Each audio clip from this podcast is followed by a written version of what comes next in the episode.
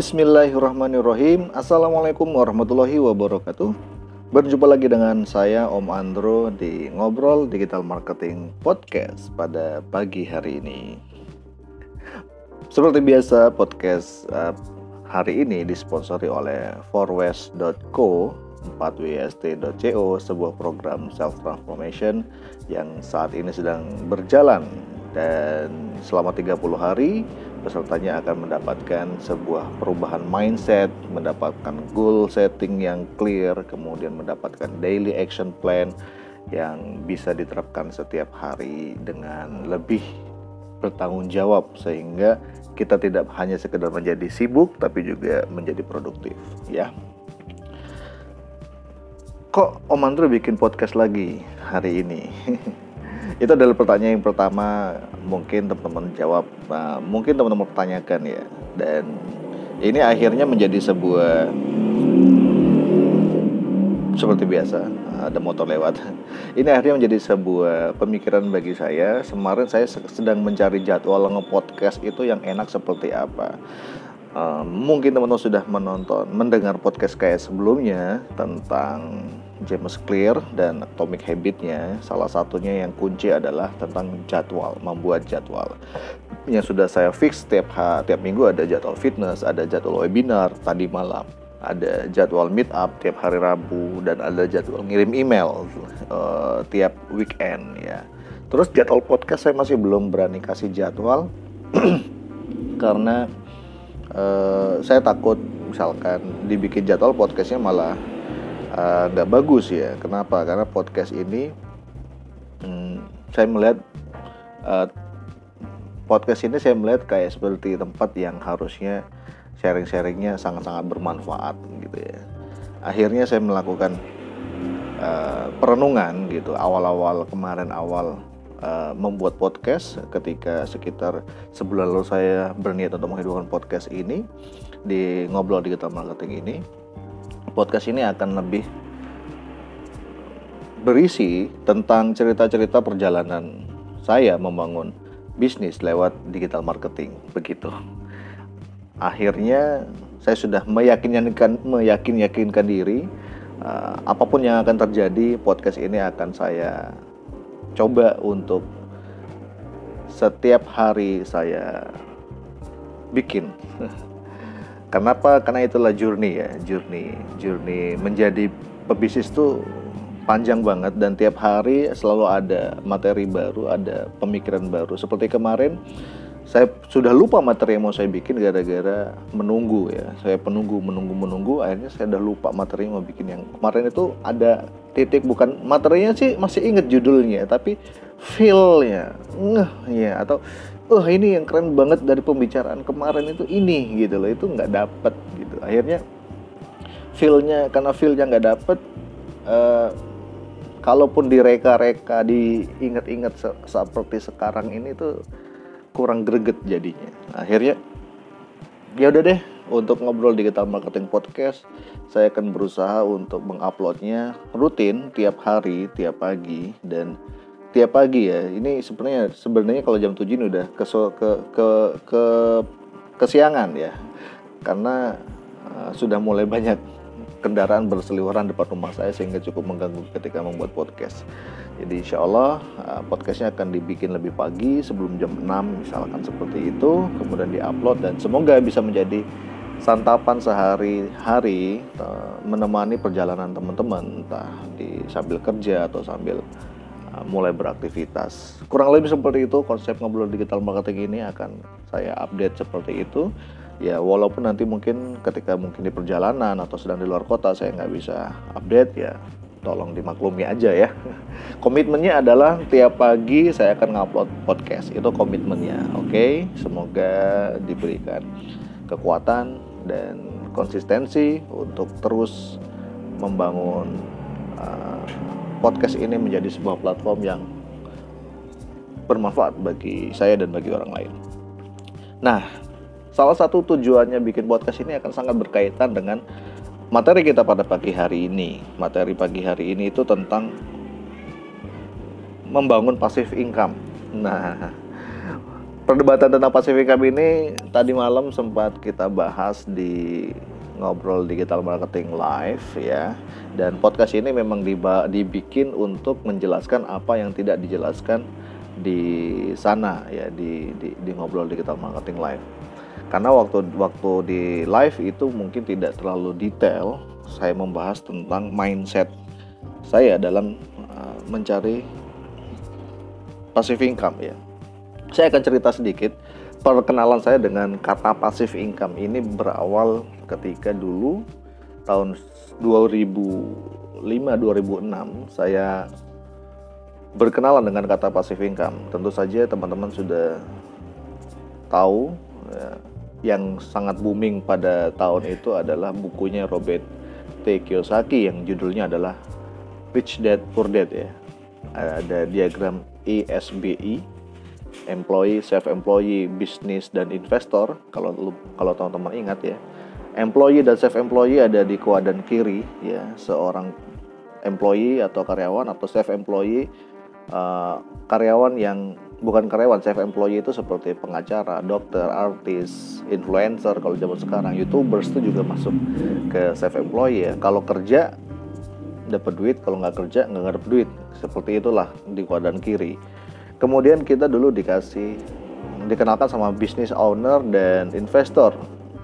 Saat itu kita berpikir bahwa menjadi business owner adalah sebuah kuadran kanan yang kita bisa bisnis jalan owner jalan-jalan atau di investor juga.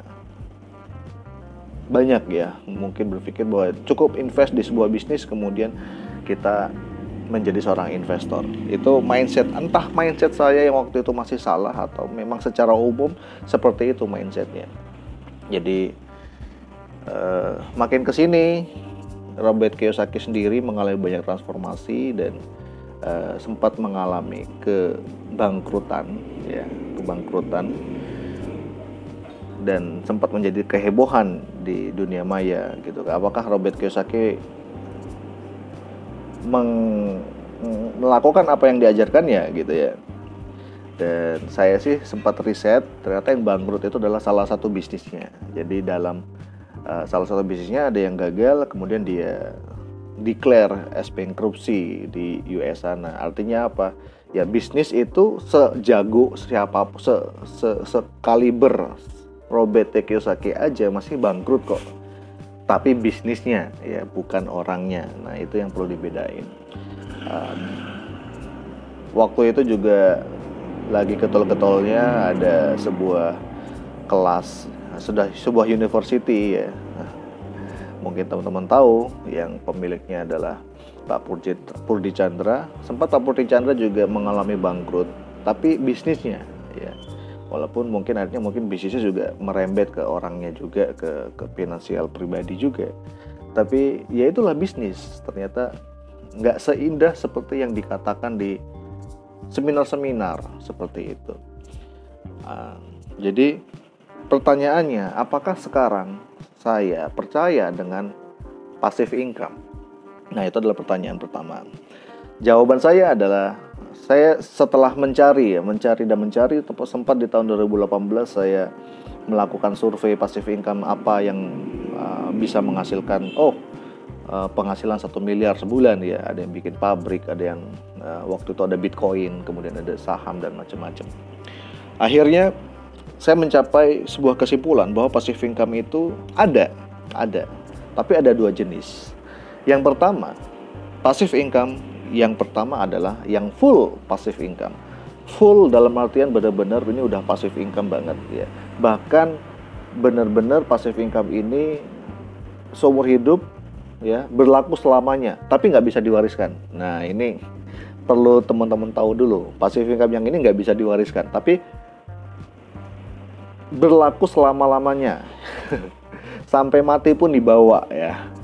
Itulah yang passive income saya bilang passive income, full passive income itu ada tiga. Yang pertama adalah amal jariah, ya berupa wakaf, berupa investasi akhirat Anda, Anda bikin pesantren, Anda bikin sekolah. Dan ini contoh kasusnya adalah sumur dari seorang sahabat Nabi bernama Uthman bin Affan yang beliau membeli sebuah sumur dari seorang uh, Yahudi waktu itu dan akhirnya sumur itu dipergunakan dipermanfaatkan untuk mengairi uh, sampai sekarang. Ya sekarang mengairi sebuah ratusan hektar kebun kurma salah satunya dan dari kebun kurma itulah pasif income-nya Umar bin Affan Sayyidina Umar itu ber, terkirim ya selama 1400 tahun. Yaitu contoh contoh seperti itu. Kalau di Indonesia jelas kita punya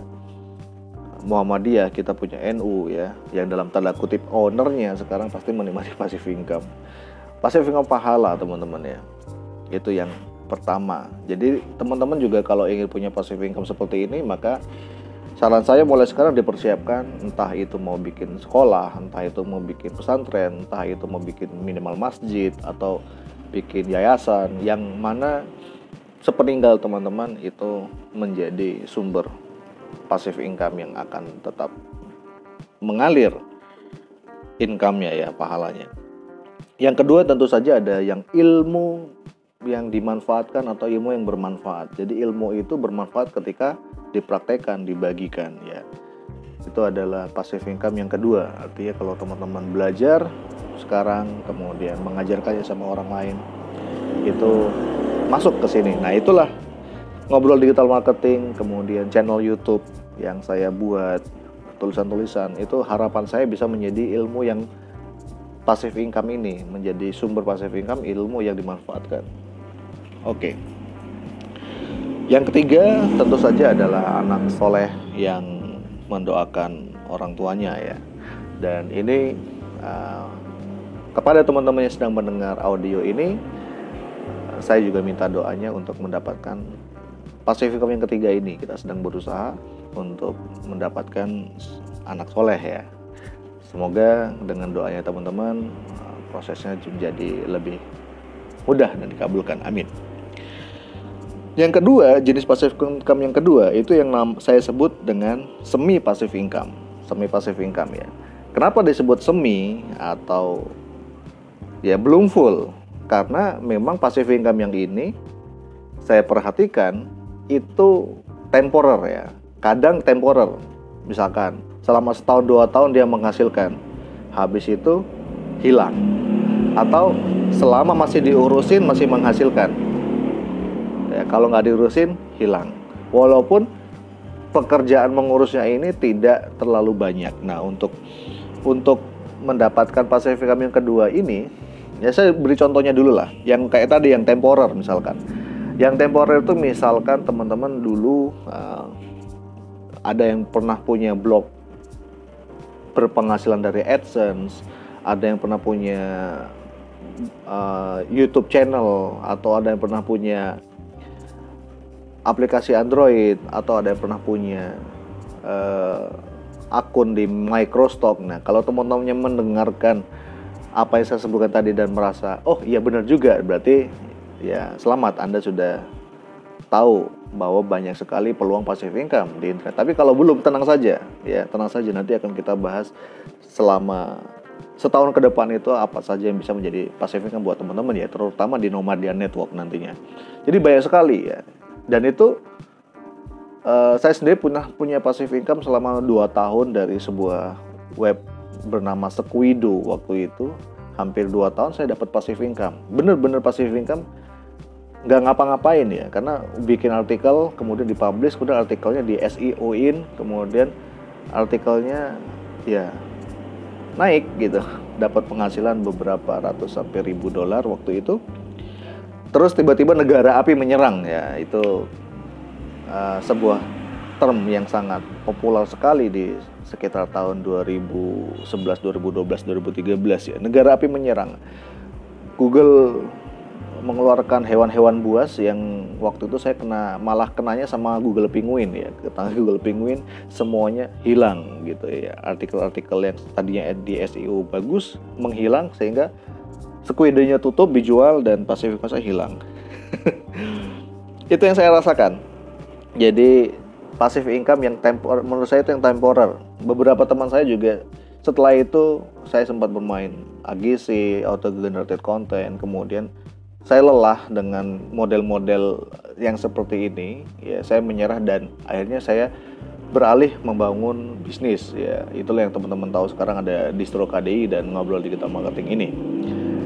Tapi teman saya yang bertahan waktu itu kemudian membuat sebuah bis, uh, mempelajari akun, mempelajari bagaimana membuat aplikasi Android dan dalam waktu setahun penghasilannya lumayan besar dan sekarang ini menjadi sebuah passive income yang diurus ya. Kerjanya nggak terlalu banyak sekarang tapi tetap harus di dibangun ya tetap harus dirawat dibikin akun baru kemudian kalau Bennett ya di Bennett itu di artinya di, dihapus oleh Google kemudian di dibikin yang baru lagi akunnya Android dan sebagainya. Itu menurut saya adalah passive income yang diurus tadi. Makanya disebut semi passive income. Nah Nanti akan saya sebutkan bagaimana caranya teman-teman bisa mendapatkan semi passive income ini. Tapi menurut saya ada dua syarat mutlak supaya uh, supaya teman-teman bisa mendapatkan sebuah semi passive income. Yang pertama adalah teman-teman butuh sebuah sistem. Entah itu sistem bisnis, entah itu sistem uh, sistem uh, platform gitu loh. Sistem ini kalau saya bilang kendaraannya lah, kendaraannya. Teman-teman butuh kendaraan, sistem atau kendaraan ini. Katakanlah dengan cara Android bikin aplikasi Android tadi, maka kendaraannya adalah uh, Google Google uh, Play apa ya? Google Developer ya, Google Developer. Kemudian teman-teman perlu membuat sebuah akun AdSense seperti itu dan punya sistem atau yaitu platformnya gitu, platform atau kendaraan. Kalau teman-teman main di Microsoft, teman saya punya teman juga namanya, saya nggak sebut namanya deh, ya. Dan dia sudah punya beberapa akun di Shutterstock dan penghasilannya saat ini lumayan lah, sekitar 3 sampai 5 ribu dolar per bulan untuk kategori orang yang tinggal di sebuah desa. Ini tetanggaan sama saya, paling sekitar nggak nyampe satu kilometer lah satu satu kilometer lah rumahnya dari jarak saya dan penghasilannya 3 sampai lima ribu dolar dari Microstock. Nah ini saya sebut dengan passive income. Tadi Microstock itu adalah platformnya seperti itu. Ya, jadi sistem atau platform kendaraan. Jadi kalau teman-teman sudah tahu menemukan platform atau sistem atau kendaraan yang tepat, maka teman-teman bisa menggunakan yang kedua ya. Nanti habis ini apa aja. KDI itu saya ciptakan sebagai sistem atau kendaraan untuk mencapai income tersebut gitu loh.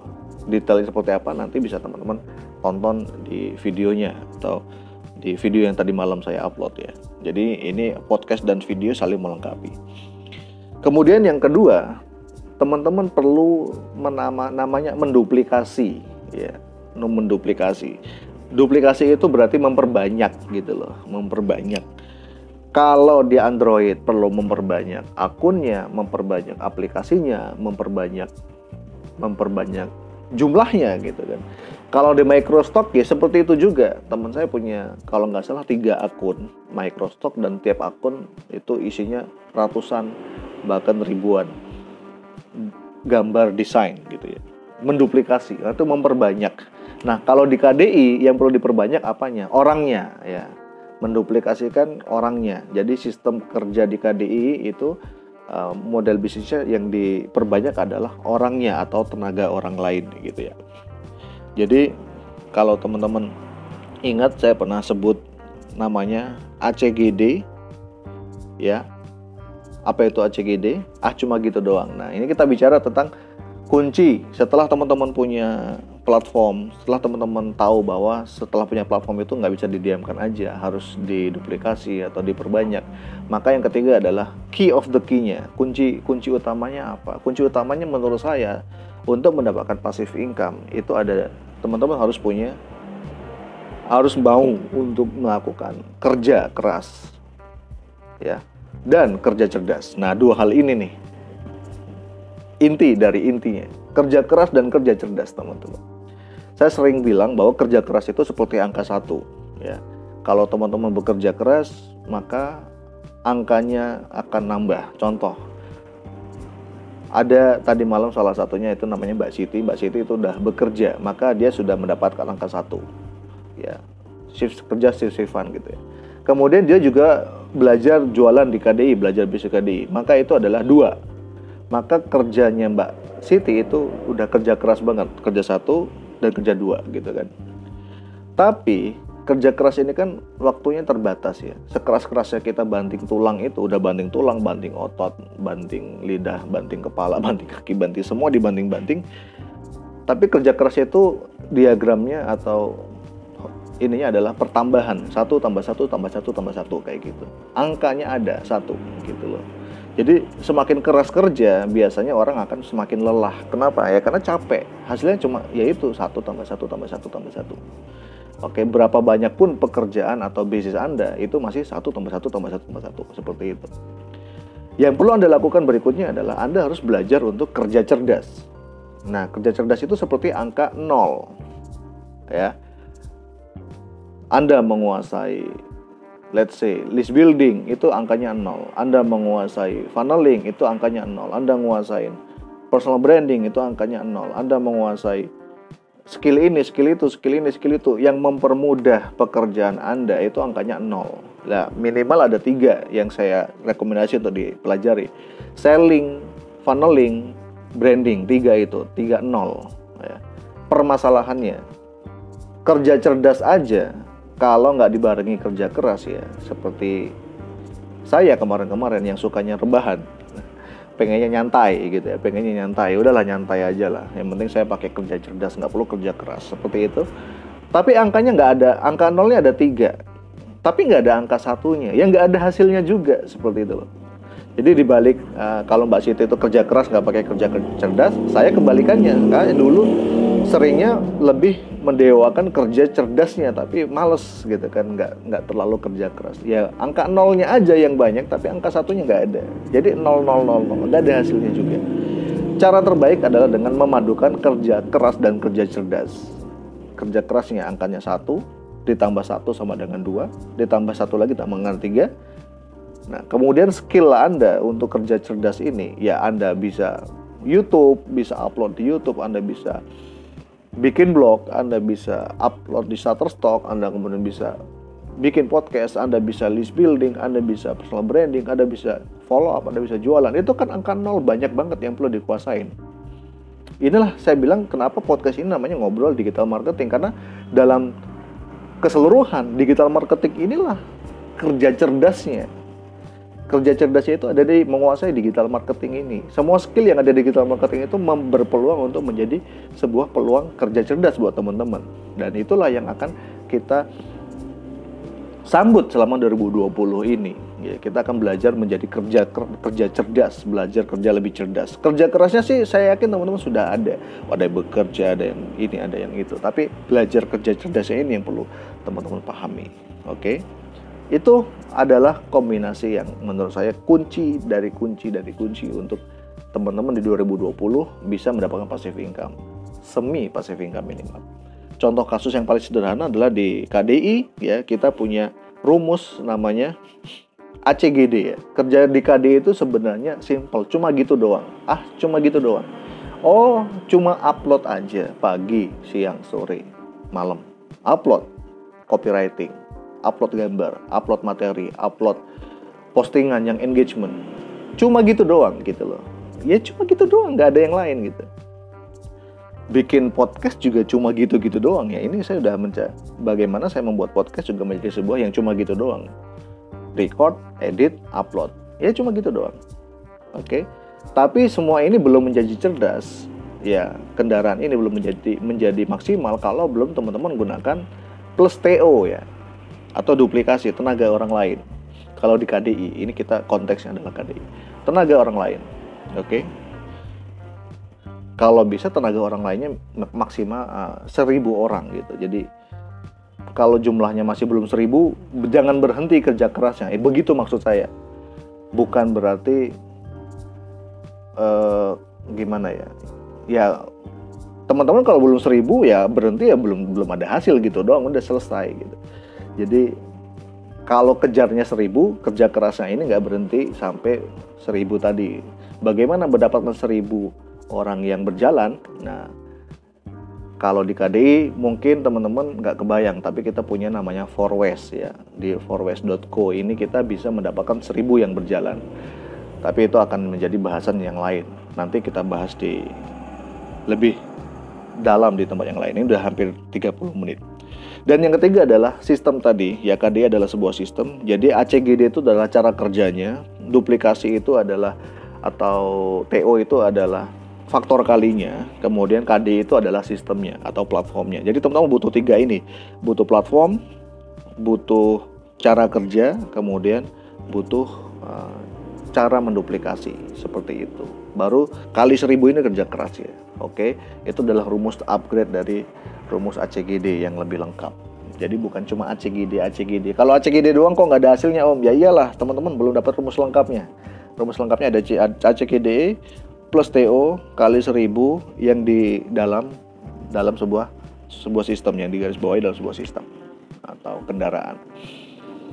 Itulah cara mendapatkan passive income di tahun 2020, kerja keras dan kerja cerdas. Tanpa dua itu, ya mau secerdas apa pun teman-teman, nggak akan dapat passive income. Kebalikannya, tanpa digabung dengan kerja cerdas, mau sekeras apa pun teman-teman bekerja, berusaha, berbisnis, nggak bakal juga dapat passive income. Terima kasih sudah menyimak ngobrol digital marketing podcast pada pagi hari ini. Sampai jumpa di podcast berikutnya. Assalamualaikum warahmatullahi wabarakatuh.